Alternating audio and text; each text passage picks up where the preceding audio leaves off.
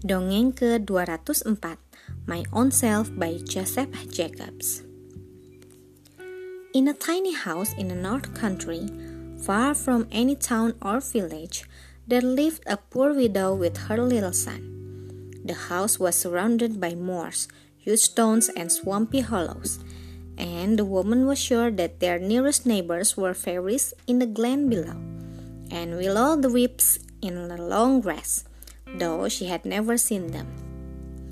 Because of this, the woman did not like to sit up late, and after supper, she would make up a good fire and get ready for bed. But when she told her son to go to bed, he would go on playing beside the fire, as if he did not hear her.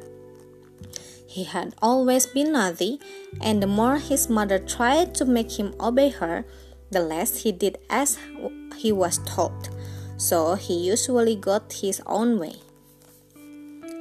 One winter's night, the woman did not want to go to bed and leave him by the fire, for the wind was tugging at the door and rattling the windows. She knew that on such a night, fairies were bound to be up to mischief.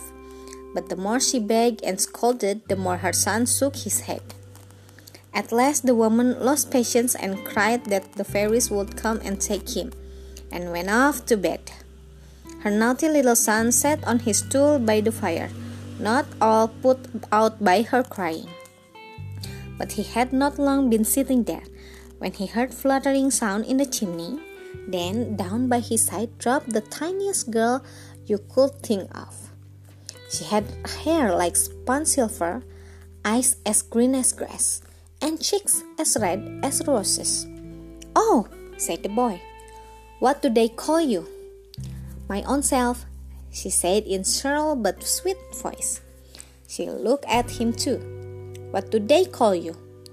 Just my own self too, he answered, and with that, they began to play together. She made moving animals out of ashes and tiny houses with walking people an inch high in them. The little boy stirred the coals to make them blaze, and out jumped a red hot cinder, which fell on the fairy's child tiny foot. She squealed out loudly that helped the boy clapped his hands to his ears. He bolted to bed and hid under the blankets to listen in fear. Then a sharp voice came from the chimney. Who's there and what's wrong? it said. It's my own self, sobbed the fairy. My foot's burned. Who did it? said the voice angrily and the boy, peeping up under the clothes, could see a little face looking out from the chimney opening. My own self, too, said the fairy. If you did it your own self, cried the elf mother, why are you making all this fuss? And with that, she stretched out, caught the crater by its ear, and pulled it up the chimney. Next evening, the boy's mother was surprised to find that he was happy to go to bed early. He's taking a turn for the better at last, she said to herself. But the boy was thinking that when next a fairy came to play with him, he might not get off quite so easily as he had done this time. Sekian, terima kasih telah mendengarkan. Selamat malam.